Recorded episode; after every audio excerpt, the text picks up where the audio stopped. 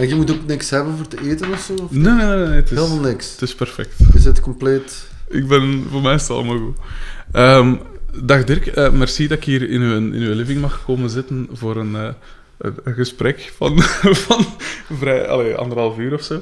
Ehm, ik moest u sowieso de groeten doen van Luc Cox. Ja, Hebben we ik heb onlangs- gezien dat je die... Ja, ik heb hem onlangs geïnterviewd en eh fijne P. En hij zei van, doe hem zeker de groeten. Doet ze zeker Dus- terug. Als je, ik zie je misschien eerder als jij, maar moest dat niet zo zijn, dan... eh, Ja, oké, va. Dan doe ik het zeker. Ehm, ja, ik heb me nu juist uitgelegd wat dat de bedoeling was. Dus eh, ik zeg het, meestal begin ik dan bij het begin van hoe dat je als, als, waarschijnlijk als kind voor het eerst met muziek in contact gekomen bent. Wat zijn zo de eerste dingen dat je je herinnert van, van muziek? Ik heb... eh, mijn eerste herinneringen zijn... Ik heb dan... eh in het vijf of zesde studiejaar ben ik eh, muziekschool beginnen volgen. Mhm. Maar zo gewoon het standaard gegeven. Noten leren en die dingen. Ja. En dan heb ik eh, als instrument de akoestische gitaar Ah, ter hand cool. genomen. Dus dan je zo met zo'n krukje je voet en dan echt. zo de eerste partituur of ik zeg maar iets van The House of the Rising Sun of Ja, zo. ja, tuurlijk. Dus dat is mijn begin. En dan had ik een neef die ook eh, eh, nu niet meer op de morgen werkt, maar Kim. Ah, cool. Dus dat is, eh, mijn neef was ook een goede vriend. Ja, neef, vriend. Hè. Uh-huh. Dus bij die ben ik eigenlijk het eerst muziek beginnen maken. Mhm. En wij namen dan, eh, wij hadden dan eerst gewoon, zoals dat zo bij de meesten gaat, bij de plechtige communie krijg je cassette recorder radio waar Uh-huh. je mee kunt opnemen. Mhm. Daar hebben wij dan home taping al gedaan in die tijd. En dan brachten wij onze eigen cassetten uit onder de naam The Punk Anarchists. Oh. Dus ik spreek nu over het eerste middelbaar of zo. Uh-huh. Dus toen, we- maar we waren dan, omdat... al- ik ben al heel snel in contact gekomen met punkmuziek. eh, Mhm. Omdat, ja, dat was... eh, toen was ik 14 of zo. Mhm. En toen was de New Wave golf hier in eh, Limburg enorm. Ik had dan groepen als Zero XX, ja. Struggler, AA, al, al die, allemaal groepen van hier. En de Suspects, allemaal van die groepen Mhm. die New Wave maakten. Dus wij keken daar wel erg naar op. Maar we waren net iets te jong. Toen was ik ja, 14, dan gaat je nog net niet uit. Wel een paar concerten kunnen meepikken. Zonder dat de ouders het wisten. Dat, eh. maar eh, we zijn dan muziek beginnen maken, zo op eh dashtonnen. En eh, akoestische gitaar versterkt met een eigen, Mhm. via zo'n transistor. Mhm. En dan hebben we zo cassettes beginnen maken. Dat is eigenlijk mijn eerste eh, muzikale ervaring. Het is geestig dat je het zegt van eh, New Wave, want toen dat ik eh, met Stijn Meuris praatte, dat, was- dat is wel een van de eerste, hè. maar eh, die zei ook van, ja, toen dat mij begon, was er inderdaad, was er ook zo, hij had een leraar dat, eh, Van de Brassers. van de Brassers. En dus die bracht ook zo die, die ganse eh, New Wave dingen op. En, en dat viel mij wel op dat dat in Limburg wel echt leefde. Ik, was, ik weet natuurlijk niet hoe dat bij mij, allee, Vlaams Ja, ik woon in Alke, dat is nu echt middle Ja. of nowhere. Hè. Dat is tussen Hasselt en Sint-Truiden, dat is een dorp. Mhm. En daar had je dan toen al een paar cultgroepen. Daar is Bedtime Verbond, zo. die zijn Ja. er ook... dus eh, ik, ik zal al meteen zo in die kringen van, oh, hier in de straat, eh, iedereen luistert naar van die muziek. Mhm. En eh, ik weet nog, mijn eerste optreden, toen was ik 15, was in Jeugdhuis de Molen in, in Alke. En dat was, toen had ik een punkgroepje, dat heette Zwijnenpest. En dat was Nederlandstalige ana- anarcho-punk. Ja. Met de twee zangeressen. En dan, eh, maar dat, muzikaal was dat misschien eh, niet zoveel. Maar we hebben toen toch wel professioneel een cassette opgenomen. Mhm. Dus dat was dan zo, toen we waren echt continu met muziek bezig. Altijd repeteren met groepen. Ik speelde toen basgitaar. Mhm. Dat is mijn eerste instrument ook. Ja. Dus, eh, ik heb ooit, mijn eerste instrument was een basgitaar. Toen ik 15 was, heb ik die gekocht. ja. En dat heb ik verdiend door het kersenplukken. Veel Limburgser kan niet. Nee, nee. Kersenplukken, zeg. Ja, ja vakantiejob, hè. Ja. Beter als eh, dat deed. Dat werd in die tijd wel eens gedaan, hè. Mhm. Hoe, eh, weet je nog zo het eerste, weet je nog wat model en zo, en welk type dat, dat was? Ja, dat was een jazzbas van Azam. Van Azam. Dat is niet eens zo duur. het klonk veelbelovend toen dat je zei jazzbas. En dan... En Azam, oh, Azam. natuurlijk, maar ik bedoel, er kwam wel geluid uit, hè. Ja. En dan mijn eerste versterker was een Star Maker. Een of ander Japans eh, Uh-huh. goedkoop merk, maar het was wel een goede basversterker, want die heb ik nog altijd. Ja. Die staat nog ergens. eh. Nu, voor punk maakt dat sowieso niet superveel uit. Allee, zo... Ik bedoel, voor echte punk dan. Nee. Ik heb zelf ook wel eh punk-rock dan meer gespeeld, maar ik, ik kom zeker uit die eh punkrock. En sommige punkdingen vind ik ook echt wel goed. Eh, like The Clash en zo, dat vind ik echt Ja, wel... super, ja. Maar dat is natuurlijk... Allee, die er natuurlijk al veel bij. Maar wij, kwamen echt uit de independent, eh, heel Mhm. eh, rudimentaire muziek, heel primitief. En dan eh, zo groepen zoals de Eggs en zo. Hmm, Die kwamen dan ook hier vaak in Hasselt optreden. mhm, Ik weet dat ik, eh, ja, toen, toen waren ook de Sounds, dat was zo'n groep op Press Records. En die hebben toen hier in Kurringen gespeeld, zeg. Eh, toen was ik 15 jaar. Dus ik Mhm. heb hier wel wat leuke optredens gezien. Zo Tuxedo Moon heeft in Hasselt gespeeld. Er kwamen echt veel groepen langs. Mhm. Dus, eh, en dan vaak naar de Effenaar en eh, al die dingen. Ja. En ook zo al die festivals, eh, de, de eerste alternatieve festivals in Deinze, Futurama, met Nick Cave en Blixa Bargeld. Cool. al die dingen heb ik allemaal. Ja. We gingen toen veel naar concerten. Ja, Ook in Brussel en zo, heel veel. mooi. Ja. Oeh, en... Maar dan waren het toch al ouder als 14, 15? Toen was ik ja, vijfde, zesde middelbaar. Ah, vijfde, ja. zesde met de trein, hè. cool. En hoe geraakte je dan s'avonds weer? Eh, dat weet was ik dat morgens? Met de trein of met iemand anders mee terug. Maar ik weet, My Bloody Valentine heb ik nog gezien. Toen Ja. was ik vijfde of zesde middelbaar. Dus, Mooi, cool. eh, nee. Eh, hoe- en was die, die, die punk en die new wave en zo, was dat ingegeven van thuis? Of van Nee, helemaal niet. Mijn ouders hadden totaal geen muzikale roots of zo. Nee, ik weet niet hoe dat kwam. Door met bepaalde mensen in contact te komen. Ik weet niet van waar dat komt. Maar ik was wel altijd into... Ja, al die, die underground. Toen was het ook anders dan nu. Nu lopen alle muziekgenres door elkaar. Maar toen Mhm. had je echt de underground scene en een eh, commerciële scene. En dat was zelfs vaak ruzie. Omwille van kleding, looks, eh, muziek. Dus eh fanzines, zo de punk fanzines. Ja, en dat was toen had je hier in Hasselt, die bestaat nog altijd, de Gigaswing.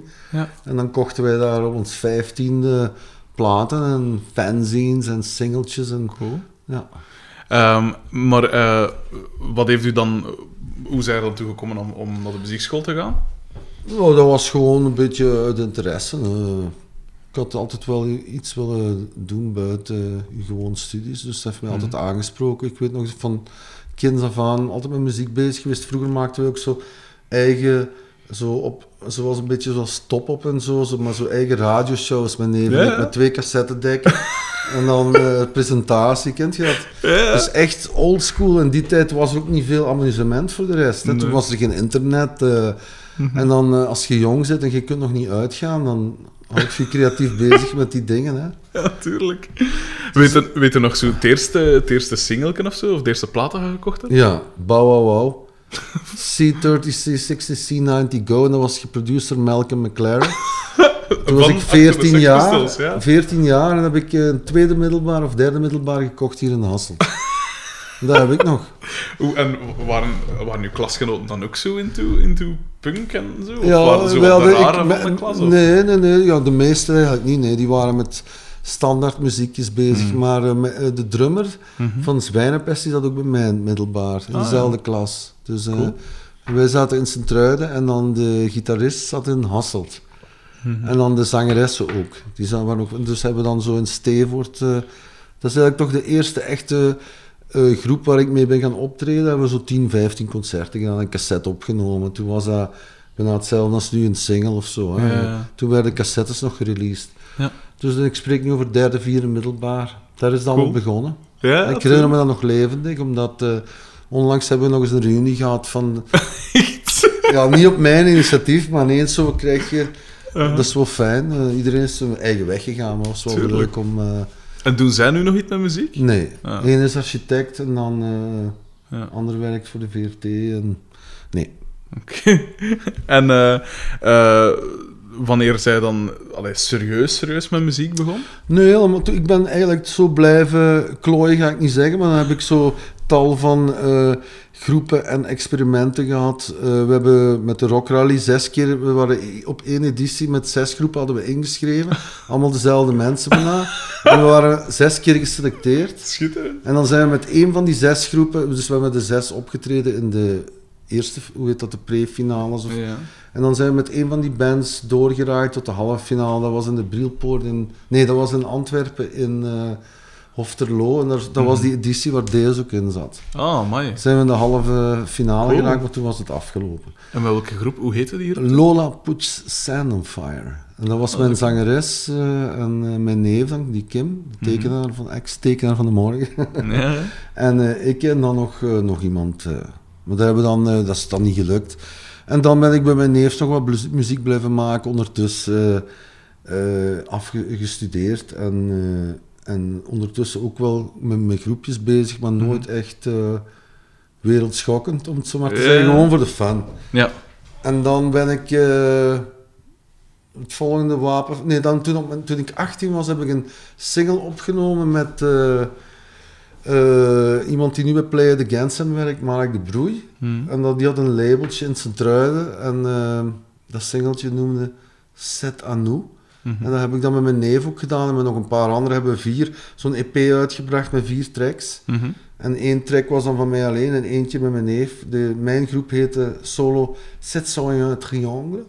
En het nummer heette Esther en dat wordt nu hergereleased door Cool. eh, Starman Ah ja. Records in Antwerpen. Ja. Die brengen binnenkort een eh, Belgium New Wave compilatie uit. En Ja? dat- die hebben dat nummer gevonden via YouTube Cool. of whatever. Ja. Dat is wel fijn, dus dat krijgt het tweede leven. Hm. Maar dus die is op 500 exemplaren uitgebracht in een diepvrieszakje met de kopies. En eh, nee, het was echt zo do it yourself. Ja. En ik zie dat dat toch is opgepikt, want op YouTube ook, dat staat overal. Je vindt dat op net. Dus eh, dat is toch ergens, heeft dat zijn weg gevonden. Ja, dat Dus dat was de eerste release van mij, toen was ik eh 18. Dat is dus eh 18. Ja, moest gewoon even checken. zesde middelbaar. De max. En ik ben blij dat dat nu is opgepikt. eh, niet Mhm. dat dat zo wereldschokkend is, maar eh, het is wel fijn dat er toch nog iets mee gebeurt. Ja, het zal wel.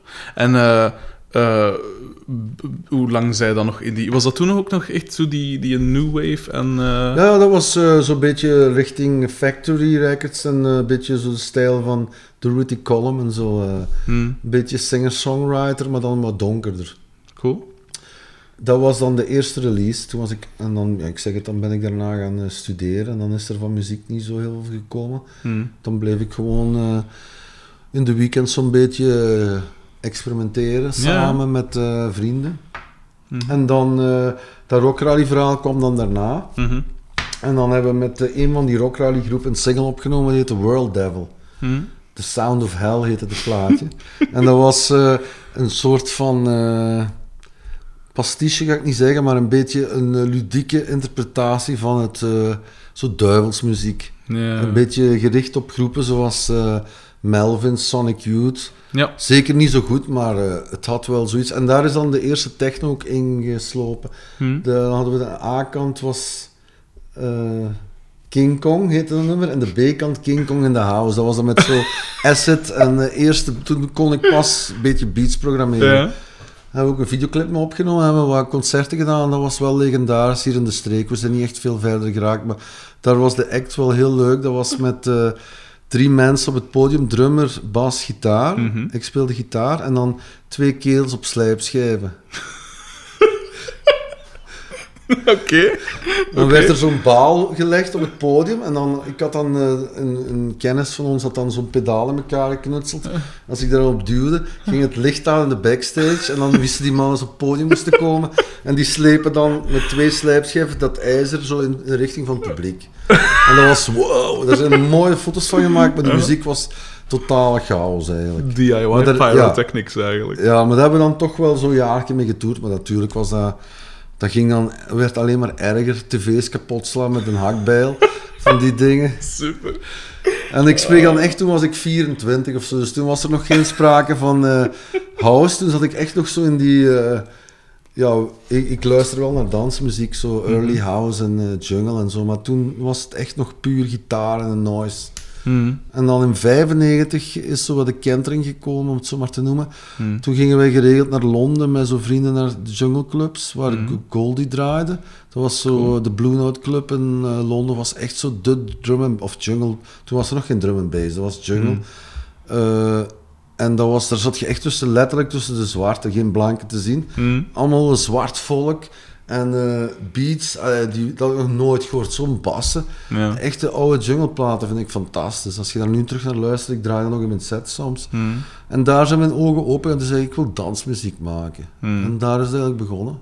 Ja, want wat sprak u zo vooral wat sprak u aan in zo die, die punk en new wave en zo? Die energie. De energie, ja. Het rauwe eraan waarschijnlijk. Ja, zo. Ik was vroeger echt gek van... eh, allemaal van die felle groepen, Grotes, Melvins, Mhm. eh, Fugazi. Oh, terecht. Ja, Eh, die heb ik allemaal gezien vroeger. Hè. de Max. Eh, maar ik hield ook wel van dansplaten of van James Brown. Dat is altijd wel een Mhm. beetje... Ik heb altijd naar alle muziek geluisterd. Van Ja, ja. wereldmuziek tot eh, heel underground shit, tot eh new wave, alles gewoon. Hmm.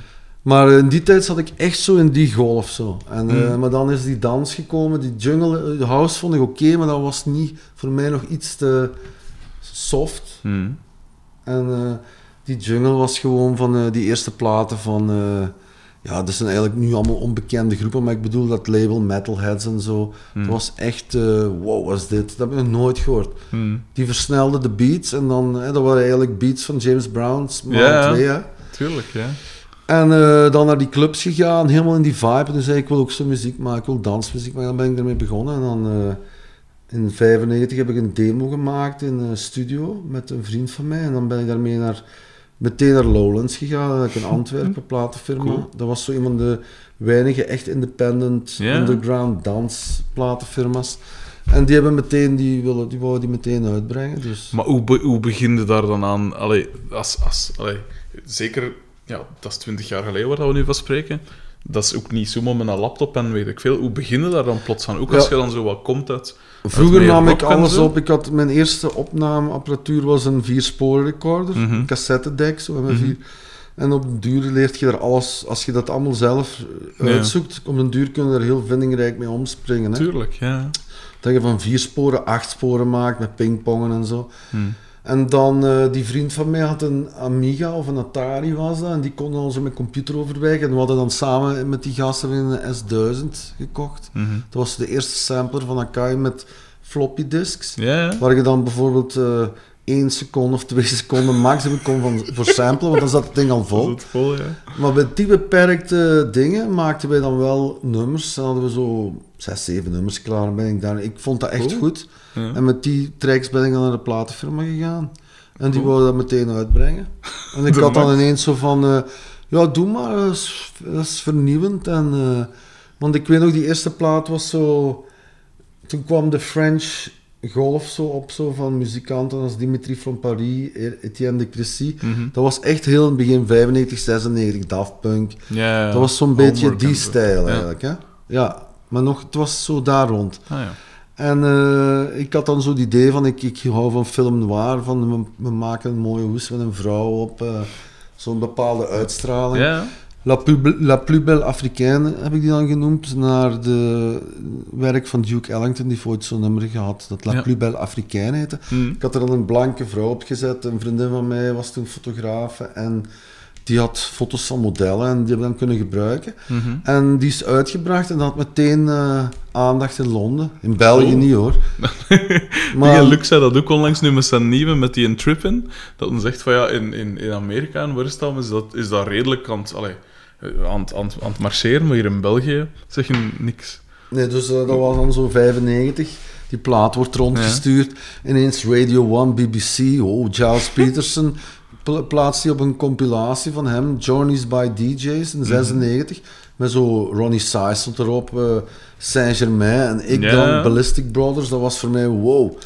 en toen moest ik in die contraille dus gaan draaien. Maar ik kon toen nog niet DJ'en. Hè? Ik kon wel een beetje café DJ'en, maar niet mixen. Ja, tuurlijk. En dan ben ik zo eerst in het buitenland eh, een jaar gaan spelen, dat we boekingen hadden. Mhm. En dan is de Jan van Biesen heeft dat dan zo wat opgepikt en dan is op Studio Brussel ook beginnen bollen in 96, 97 en dan Ja. is Werchter eraan gekomen en zo is de bal dan beginnen rollen. Eigenlijk is dat gekomen door die Galexico remix. Ah ja. En die hadden mij dan gecontacteerd op basis van die Maxi ook. Eh, Joey Burns, die zat toen bij City Slang, dat label. En die heeft me toen uit Londen gecontacteerd of ik geen remix zou maken. Hoe dat komt, weet ik nog al niet, maar die heeft mij wel zelf gecontacteerd. en dan heb ik dat gedaan en die waren heel tevreden over. Dan ben ik met Galexico een paar keer mee op tournee geweest in Nederland. Ja. DJ na, na een optredens en zo. Dat was ongelooflijk. Cool, toen had ik ja. zoiets van, toen stond ik met Galexico op Lowlands in Nederland, zo in 98 of 97. Dat mag. En daar is eigenlijk dan zo echt begonnen. Toen ben ik me gaan focussen op eh live band bijeenzoeken, eh agent, Hm. En toen zaten we bij Rock Werchter, eh, alle buitenlandse agents. Ja. En hebben we echt een heel intensief gespeeld. Je zegt er al van Duke, eh, dus eh, van die, eh, van, dat inspiratie altijd bij Duke Ellington, voor, dat- voor die ene eh, single daar.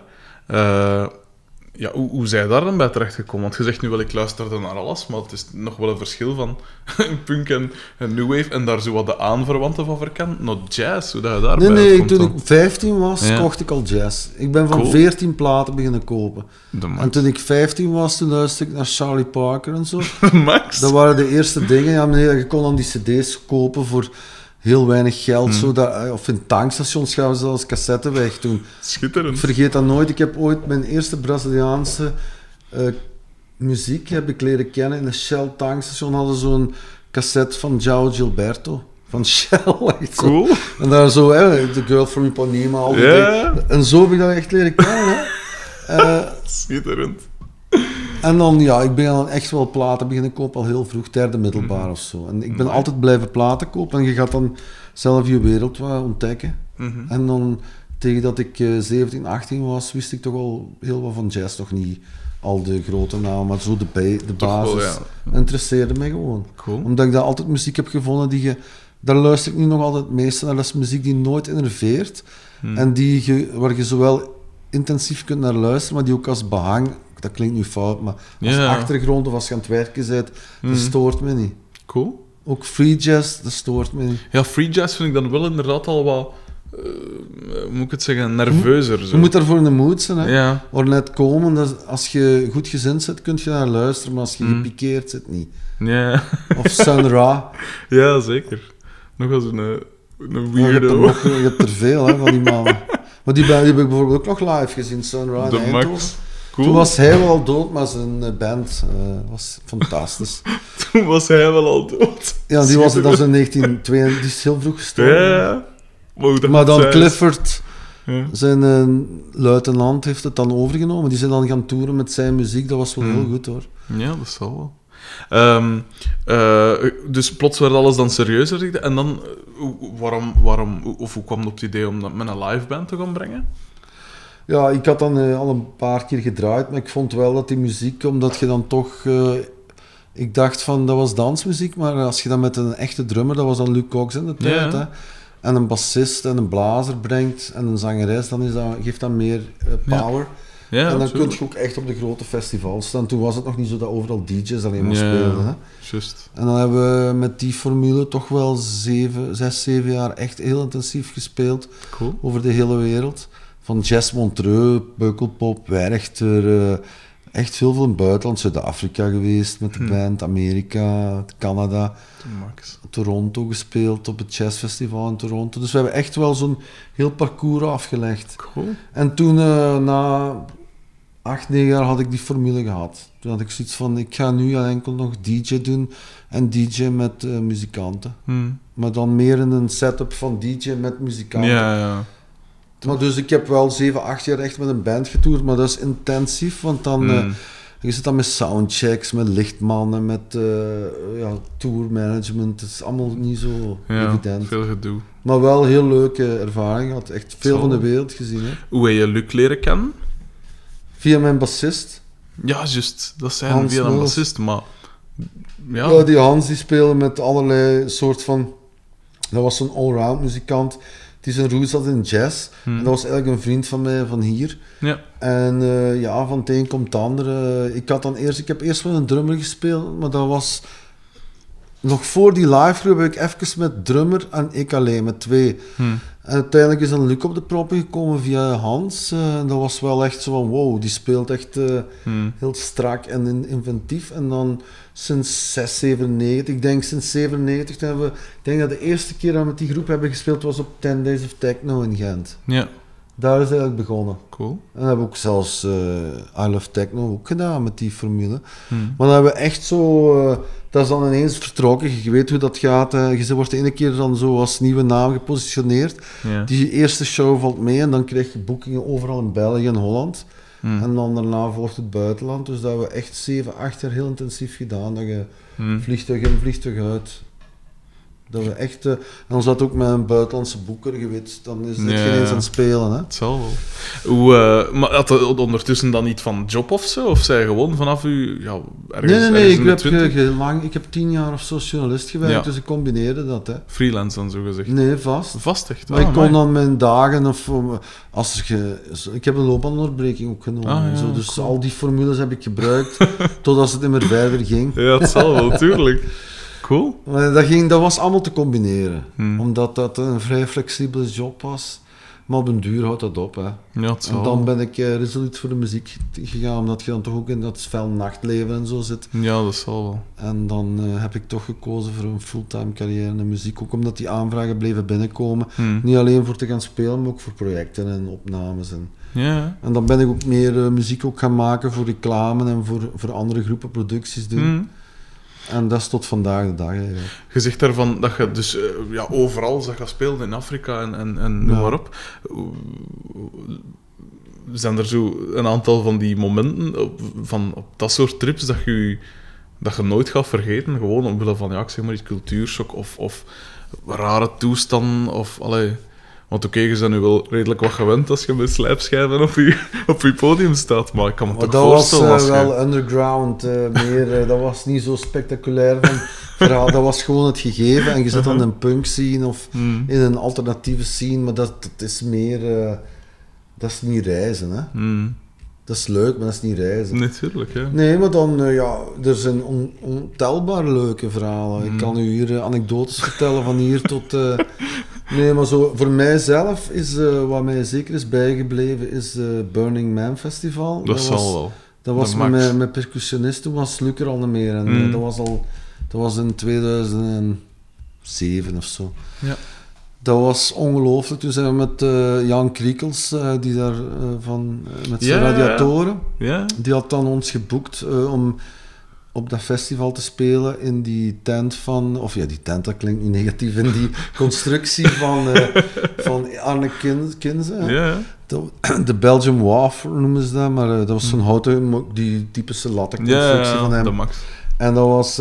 daar draaiden we dan iedere morgen Cool. van 12 tot de zon opkwam in de woestijn. Mooi. Tussen al die gekken, dat was ongelooflijk. dat was echt ongelooflijk. Dat zal En wel. eh, dat was complete waanzin daar. Iedereen Mm. liep er verkleed rond, eh, allemaal gekken bijeen. Er is geen politie, eh, iedereen doet er maar op. Cool. En we sliepen daar in legertenten. dat was echt totaal heel weinig luxe, niks Mhm. eigenlijk. En dan alles is daar gebaseerd op ruilhandel. Dus dat was echt wel zo, waar kom ik hier terecht? Geen telefoonverbinding. Ja, je zit wel, tien dagen met een rugzakje en that's it. Hè. Cool. De platen, toen draaiden we nog bij vinyl. Dus Mhm. die platen zagen gewoon grijs van het zand. Ja, juist.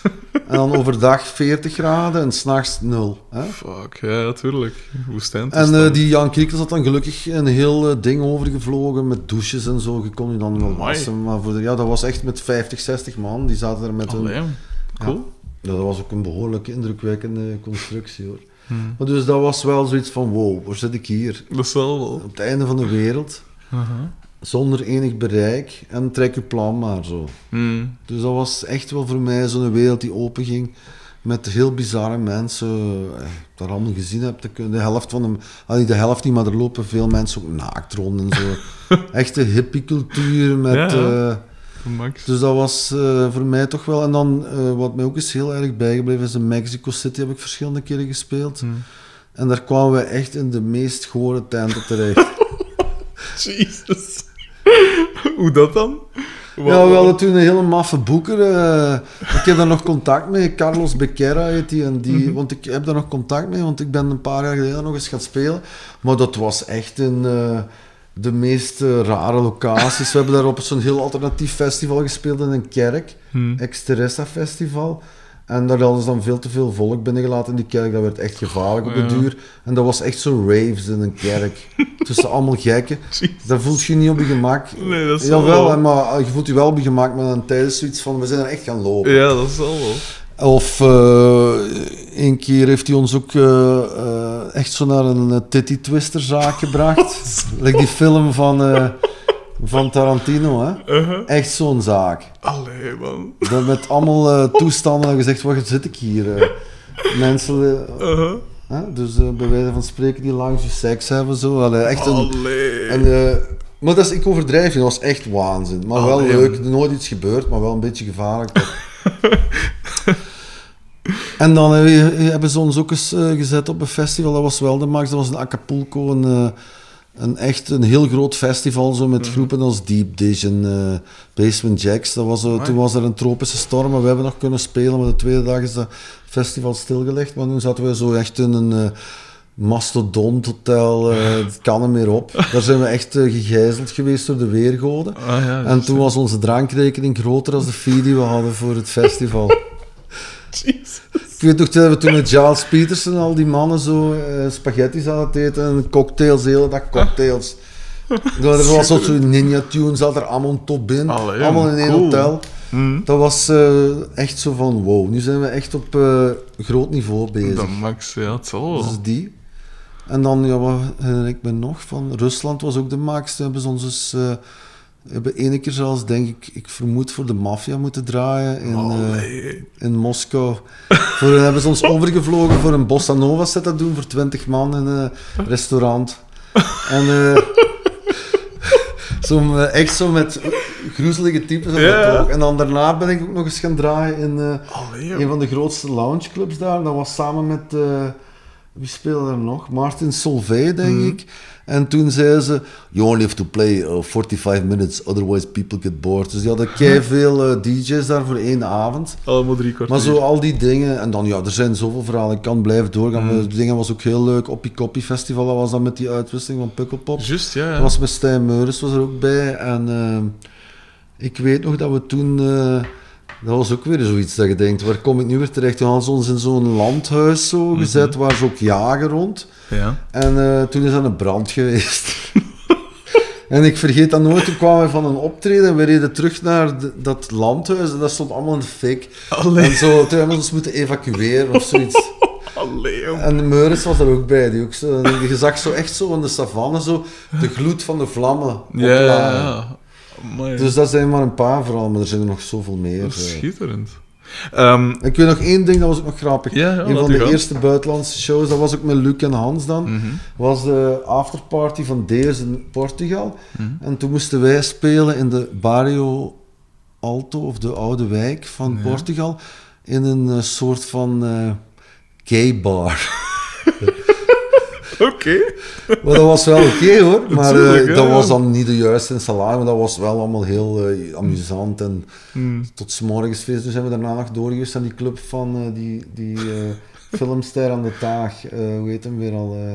Inside, ah, John Malkovich. Ah, ja, ja, Die heeft een club in, in Portugal. Ja, we is nog met die hele, hele bende daar geweest. En dan, eh, wat ook nog leuk is, dat blijft ook wel bij, we hebben zo een hele tijd getoerd met eh, het management van Deus. Mhm. Had een hotel in Ronda. Mhm. En die nodigde ons dan altijd uit om in Spanje te gaan toeren op de meest eh, gekke locaties.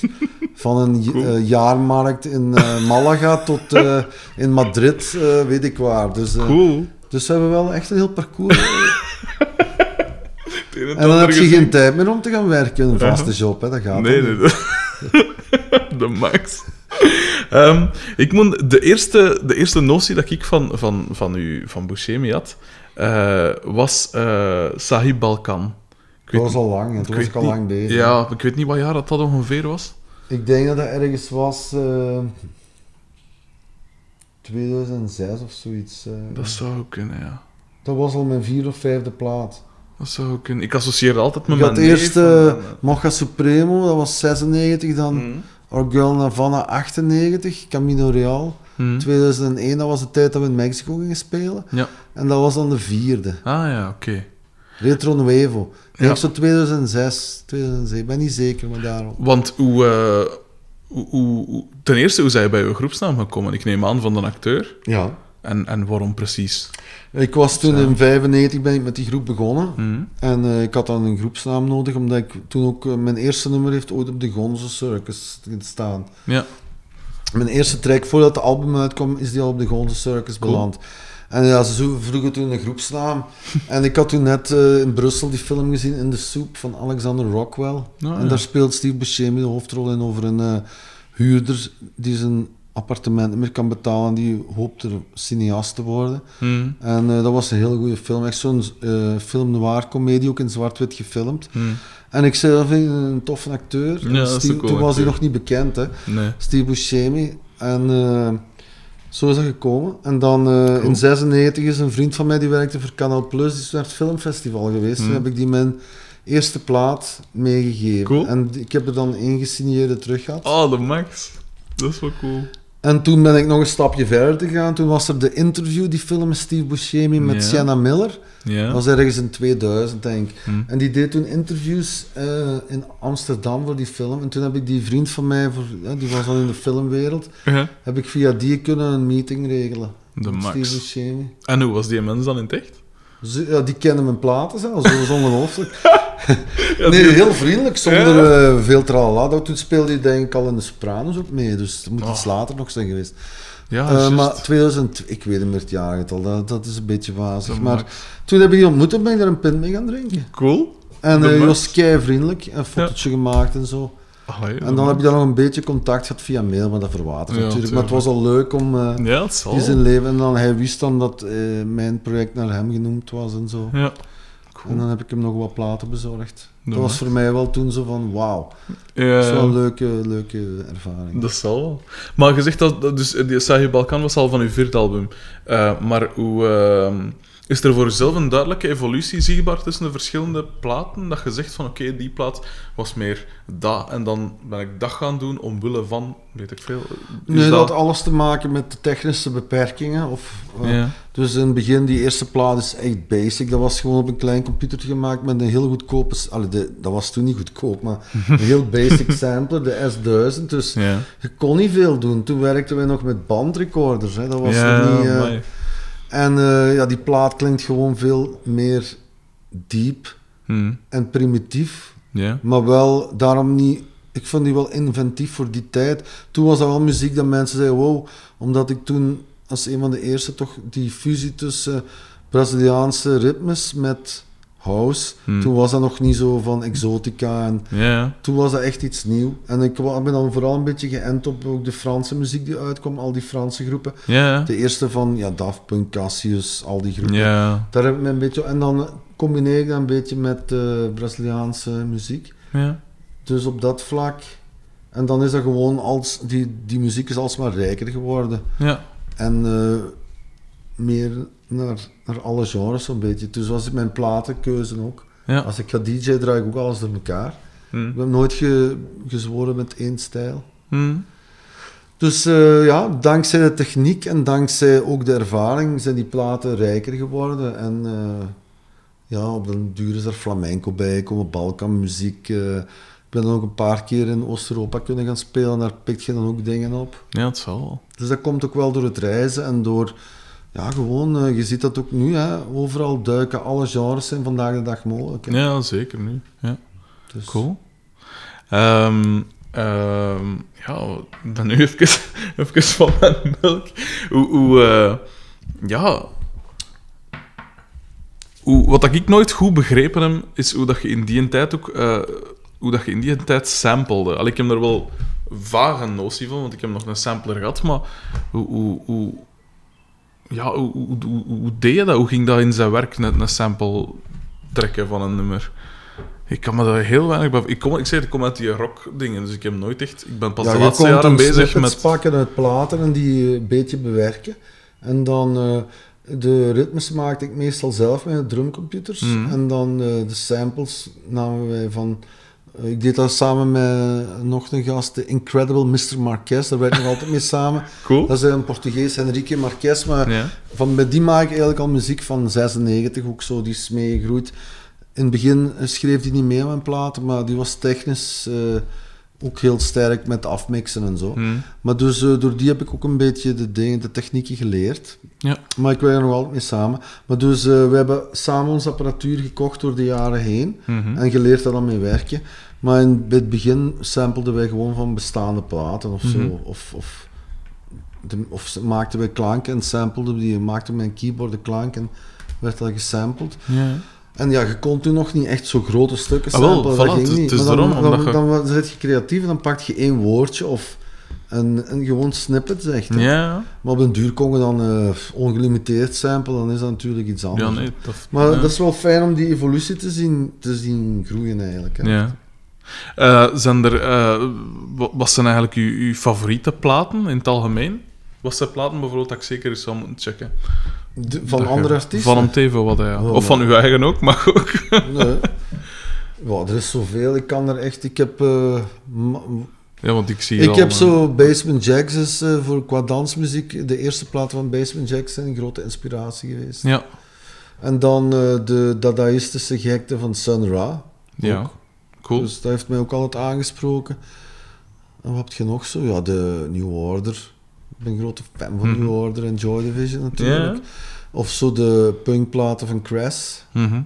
Maar ook zo de pogo jazz van James Wire en de Contortions en Blur. Dat is dan wel 80s allemaal, maar die zijn nog altijd aan het spelen. Hè. Ik ben pas nog naar Cool. de popgroep gaan kijken in Aalst.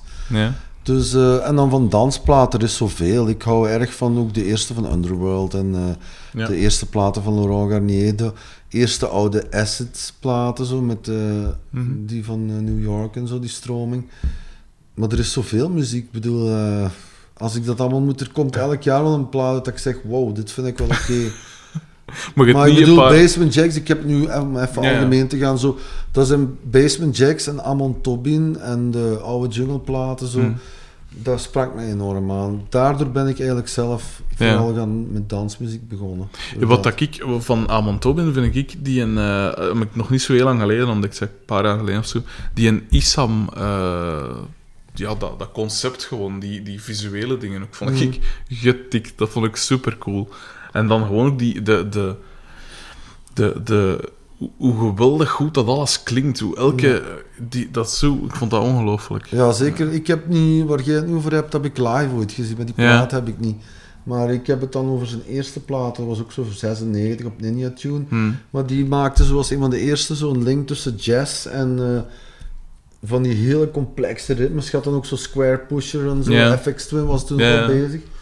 Zo al die wel dingen cool. sprak me toen echt enorm aan. Ook die complexiteit van die ritmes. eh, allemaal machines gemaakt. Dat was zo van wow, dat zijn professoren met witte jassen. Die zitten daar... eh, maar dat was wel, en die deden dan ook dingen live erbij. Zeker Square Pusher was ook bassist. Ja. Bassist, hè. Hm. Maar dus eh, aan die tijd ging ook heel veel naar concerten. En nu ook nog wel, maar iets minder uiteraard. Hm. Maar dat was voor mij wel zo inventief en dat gaf mij ook zin om te gaan experimenteren met muziek gewoon. En Mhm. Als je, nu, als je nu vandaag muziek maakt, welk, welk programma gebruik je daarvoor? Cubase, Cubase toch? Ah, want met, met Cubase, dat, ik, vind, ik, ik werk nu met Ableton, omdat dat, die een drempel is heel laag. Want ik was er direct mee weg. ja. Omdat ik was wel begonnen met FL Studio, wat dat ook heel int- intuïtief is, vond ik. En Belgisch trouwens ook, dacht ik.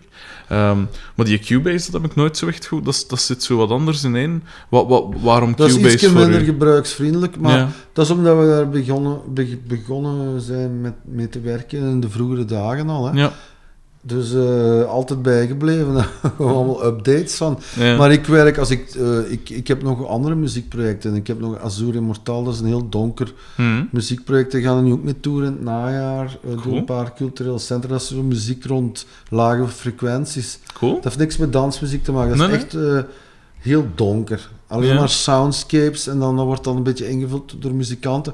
Dan neem ik bijvoorbeeld echt waar op met GarageBand. Dat is, eh, maar je kunt dat... Nee, nee, dat, Ah, klinkt- als het werkt, dat is heel rudimentair. Met, ik werk dan met iPads en een mengtafeltje. Dan Cool. neem ik gewoon op hier, zonder enige... Daarna wordt dat wel een beetje afgemixt. Hè, Ja, ja, bijgemixt tuurlijk. op de tafel. Hm.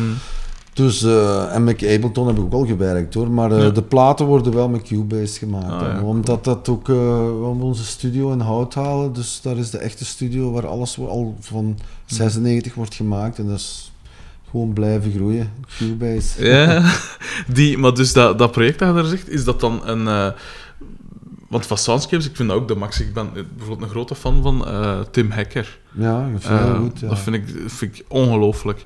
Ehm, hoe dat die... Is dan in die stijl dat ik het me zo aan moet voorstellen? Of? Ja, een Is- beetje heel donker. Ik kan je dat Ja. wel laten horen. Ik heb hier wel wat cd's liggen daarvan. We hebben Ja. nu twee... Dat doe ik eigenlijk alleen. Ik maak de Mhm. muziek volledig alleen, maar dan live wordt het ingevuld met eh gitarist Rodrigo Fuentealba. Ja, ja, ja. En dan Ook nog bij Motor gespeeld Ja, trouwens. de blazers van Noordman spelen mee. Ja. En we gaan nu... Een eerste optreden is in eh, september. Cool. Dus we doen zes shows of zo. Ja. We hebben nu ook een boekingskantoor. Dat is echt helemaal nieuw. Daar ben ik nog maar max. twee jaar mee bezig. Cool. Maar ik maak de muziek en dan gaat dat naar de muzikanten toe. Eh, maar het is zo ja, heel donker. Eh, Ik heb zo'n beetje als voorbeelden groepen zoals Coil en Throbbing Grizzle. Heel de laatste ken ik wel. Industrieel eh, getint. Muziek rond de dood. cool. Heel lage frequenties. De eerste max die heette The End of Society. Cool. En de tweede is nu pas uit en die heet Dead Weight. Cool. Maar dat hoort je niet op de radio, want dan Nee, wordt Brussel dat er absoluut niet draaien. Cool. Dus dat is echt... ik merk heel erg dat mensen niet te extreem willen gaan met radio. Dus, Nee. eh, maar er is wel volk voor die daarvoor... Zeker. Ik ben, ben echt benieuwd. Eh, ja, ik zal, zo... u, ik zal u meegeven. Ik heb Ah. ze allebei nog liggen. Ah, dat mag, ja. En dan heb ik ook nog zo'n, ja, dat is dan allemaal ja, heel rudimentair, maar ik maak ook met heel primitieve apparatuur, maar dat klinkt wel niet zo. Want Mhm. achteraf eh, kun je dat in de studio zo afmixen met wat Ja, filters en effecten op, dat dat... Ja. Ik heb ooit gehoord dat, dat Trent Reznor, dat die een, eh, toen dat ze hem dan begin jaren 90 altijd vroegen van ja, en hoe maakt het dat nu? En, en eh, dat je zo een, levend geluid toch uit machines kunt krijgen en zo. Dat hij zei van eh, dat hij dat allemaal analoog deed, maar eigenlijk dat hij dat allemaal al op zijn laptop ook gewoon maakte. Dus wat dat je dan zegt van dat je dat allee, heel rudimentair en dat dat dan toch goed, goed kan. Alles is doen. gemaakt met twee iPads. De max. dat is, En dat is de is max. dus met een ingebouwd sampleprogramma. Ja. dat kun je dan kopen als app. Hè. Ja. En eh sample ik gewoon mee en dan speel ik eh, daar noten mee, op, zelfs op de iPad, dan neem ik dat zo op. cool. En je kunt dan met eh, verschillende sporen werken, met Ja, twee iPads en mengtafel. En dan, om nog een voorbeeld te geven van rudimentaire muziek, heb ik ook Hm. een plaat uitgebracht met Mauro, Radical Slave heet Cool. die plaat. Dat zegt mij iets. Dat gaat over, dat is zo muziek, total noise, compleet, eh, compleet eh, erover. Super. en die platen, dat, ik, had, ik had toen de songtitel, de eh, albumtitel, toen was er nog geen probleem, toen waren er nog geen problemen in Syrië, maar ik, heb, ik was Ja, visionair. En in tw- 2000 2010 is die plaat uitgekomen, en die heette Damascus. Oh, dat- En Mauro is toen naar Damascus geweest op vakantie. Cool. Echt waar, omdat hij zei, oh Damascus, ik ga Oh daar. ja, maar toen was er nog niks aan de hand en drie maanden later was er oorlog. Allee. Dus dat was wel maf. dat zal. En die plaat is, eh, dat is, ik wou maar zeggen over opnametechnieken. Hm. Dus we hebben die gewoon, we hebben een album opgenomen, Ja. opnames uit de AB en opnames van de muzen, de Heus de Zoldergolver, de PA. Mhm. En heb ik dan de studio geëdit en bijgeknipt en eh, filters en zo. Cool. En dat is die plaat geworden. Dus we hebben geen studio geboekt, gewoon live. Hè. De max. En daar is één track uitgehaald, dat is zelfs een single geworden, die staat zelfs op de afrekening. Dat is dus gewoon één take gespeeld. Ja. Dus, ja, dus dat, ik hou wel van die dingen. Zal. Dat lukt natuurlijk niet altijd even Nee. goed, want je hoort daar natuurlijk wel fouten op. Hè. Ja. Maar ik hou wel van zo'n werkwijze. Dat is natuurlijk totaal anders dan bij Buscemi. Dat moet gestileerd zijn. Hm. Dat is een ander ding. Want ik ben, eh, mensen zeggen wel, hoe kun je nu die donkere kant ook hebben? Maar ja, als je naar heel veel muziek luistert en je komt al uit zo'n parcours van Mm. vroeger, de underground tot nu, dan heb je al veel meegemaakt. Tuurlijk. En eh, ik hou ook van de zon. En ik Mhm. hou ook van eh, de donkerte. Tere- Terecht. waar, eh, waar haal je inspiratie dan voor, voor muziek? Allee, ik bedoel, wat ik hem nog... Ik, toen ik, ik was naar Tim Hekker gaan zien, en, en dat werd hem dan wel omgekeerd, want ik zei hem, ik was dan bezig aan plannen van een roman, en eh, dat is ook een heel donker gegeven, en ik zei, hem- ik zei hem dat toen, van ja, ik schrijf de laatste tijd constant op uw muziek, dus neem ik aan dat het ook wel andersom kan werken. Haal jij soms inspiratie uit films of boeken? Of, want je zegt, uw groepsnaam komt van een film. Natuurlijk van films. Ik ben een filmfanaat. Mhm. Ik ga al echt... eh, ik volg dat heel erg. Mhm. wat er allemaal uitkomt. Dus uiteraard word je daardoor geïnspireerd. En ook door het feit om naar zoveel muziek te luisteren, plus dan nog eens alle reizen. Ja, het zal wel. We hebben echt eh, heel veel reizen al gemaakt. Eh, Ik heb zo'n landkaart waar je dat... Allemaal zijn het zo vijf, zeker al 35 landen gedaan. En nu ga ik voor de eerste keer in Dubai spelen in oktober. Dat is zo echt van, oké, daar zijn we nog niet geweest. En dan, ja, ik ben dan wel zo iemand die dan eh, niet op mijn hotel blijft zitten, maar staat in Tuurlijk. traject en dan leert je mensen kennen of je komt dingen tegen. Mhm. En eh, daar, dat, dat geeft enorm veel inspiratie. Mhm. De wisselwerking of de invloeden die je krijgt van met mensen om te gaan of gewoon dus indrukken van de stad op te doen. Of, eh, Mhm. En zijn er dan bijvoorbeeld nummers of platen waarvan dat je echt kunt zeggen van oké, dat was wel net geïnspireerd door die film of dat boek of die... Allee, dat soort Ja, dingen? jawel, jawel. Maar eh, moet ik nu wel... Dat is nu overvalt je me even bij die vraag. Sorry daarvoor. Nee, eh... Want ik neem Ik aan heb dat ooit, eh, ik, wat leuk is bijvoorbeeld om nu maar een link te zeggen Ja. met film. Ik heb ooit voor de MGM Studios een remix moeten maken voor de Pink Panther. En toen hebben ze mij de banden opgestuurd, ja, op CD wel. Voor die Dus, eh, Steve Martin herwerking. Nee, nee, de oude, de van. Mancini nog. Ah, cool, ja. Dus hebben ze mij een CD opgestuurd met de originele opnames uit de Mancini Max. Studios. Ja. En die heb ik toen moeten remixen. Dat was voor Amerika, voor een compilatie. Dat is eruit Ah, gekomen. cool. Dat was voor MGM. En eh, ik wist niet wat ik hoorde. en die hebben ze echt, dat ging allemaal door en dat is betaald en alles. Ik dacht, maar hoe komen die bij mij terecht? Ja. Want dat kwam door mijn eerste plaat. Ah, ja. En eh dat heb ik toen... eh, en we gaan dat nu waarschijnlijk... Ik heb die opnames teruggevonden, want ik ga nu eh, een driedubbele remix-compilatie uitbrengen van alle remixen die nog niet zijn officieel uitgebracht. Cool. vanaf 2006 tot nu. En daar staat die ook tussen. Mm. En dus ik wil maar zeggen, daar is de link met film natuurlijk helemaal compleet, want je krijgt echt de originele banden. Dat is wel de dat was de max. Ja, het dat zal wel. ook.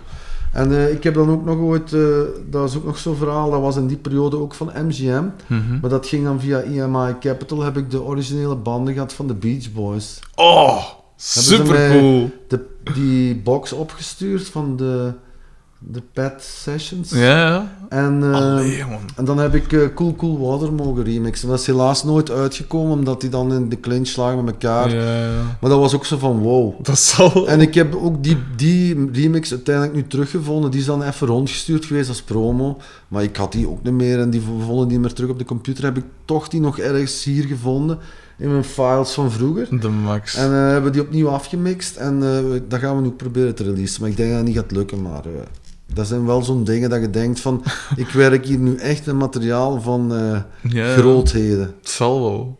De max. Super cool. Ja, en dan onlangs heb ik Melodie Gardot ook nog mogen doen, dat is ook een grote Mhm. naam, of eh Madrideus van die groepen. Ja, juist. Dus eh, het is wel fijn om zo met, met echt materiaal te werken van allee, hoogstaande kwaliteit toch wel, ja. Dus Zo.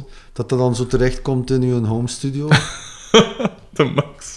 Zeg, wat ik me dan nu ook wel afvraag, want je, dus je komt uit zo eh, punk en, en new wave en DIY-mentaliteit, maar met Buscemi zeg je toch een, een, ik ga zeggen, mainstream, mainstream, maar toch bij een, een, eh, een groot label en zo terechtgekomen. En, Ja. en eh, heb je daar nooit zo wat- heb je daar nooit een dubbel gevoel bij gehad? Of denk je van, ja, Nee, vroeger waren we echt underground, maar dat Mhm. kwam natuurlijk ook wel omdat we toen heel eh, inventieve muziek maakten in die periode. hmm, Maar op den duur is er echt eh, zoveel muziek.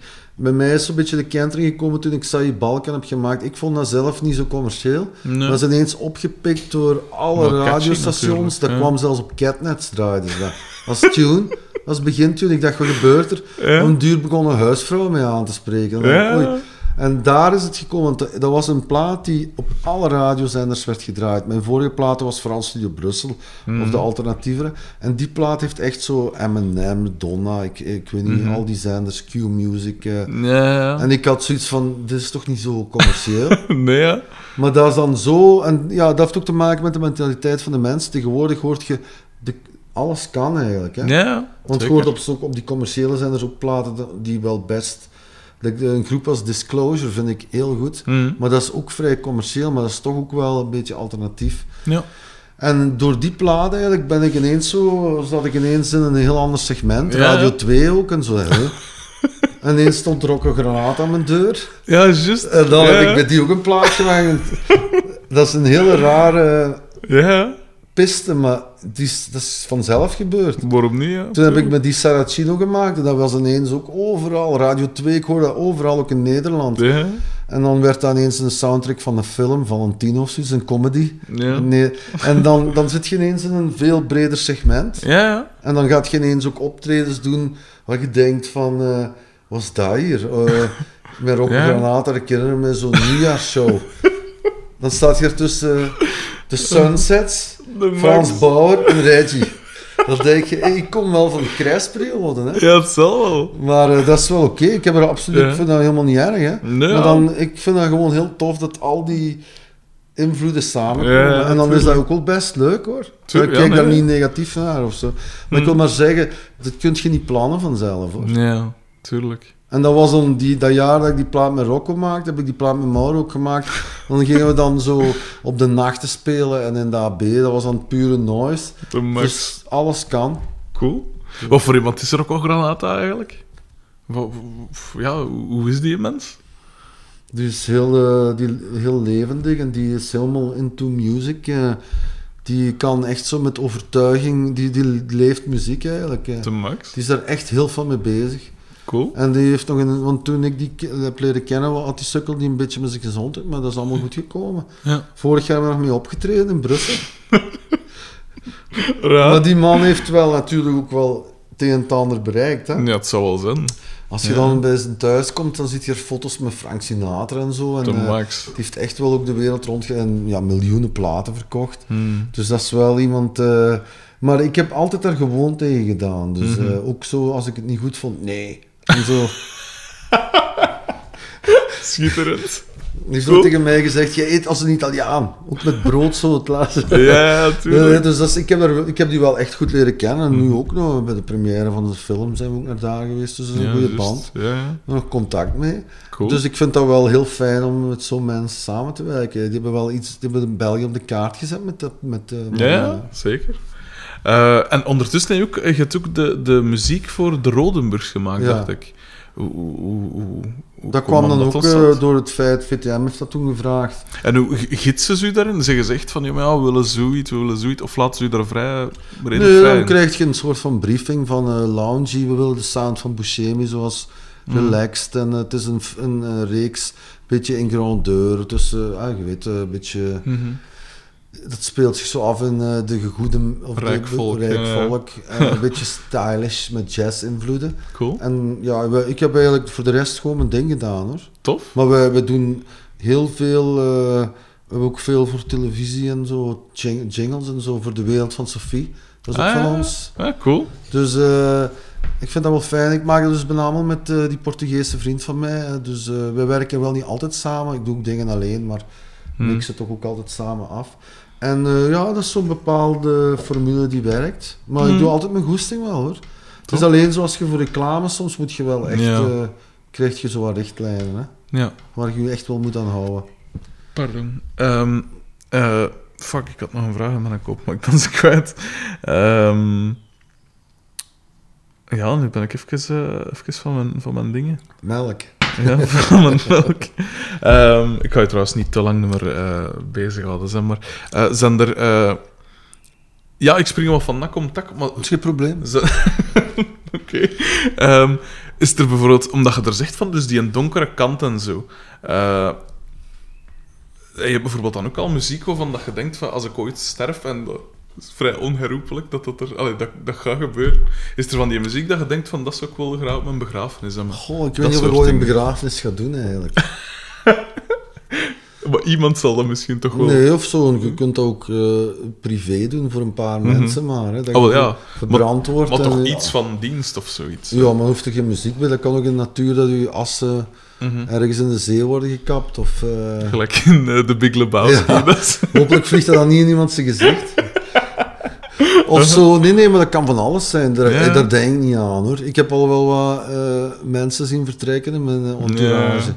Ik was allee, op een begrafenis, nog niet zo lang geleden, Mhm. van eh, de, mijn ex-platenbaas. Mhm. En dat was een waanzinnige mis, moet ik Mhm. zeggen. Dat was met muziek van Suicide en zo, allemaal heel donkere muziek. Toen ging de... Ja, nee, maar je lacht er niet mee. Dat was Ja. wel best aangrijpend. eh. Maar die, echt zo heel extreme muziek had die... eh, Dat, wa- dat was allemaal helemaal voorbereid. Mhm. Eh, Tuxedo Moon ook, geloof ik. No Tears for the Creatures of the Night. Allemaal van die dingen. Zo. Dat was echt wel zo, wow, Ja. heavy.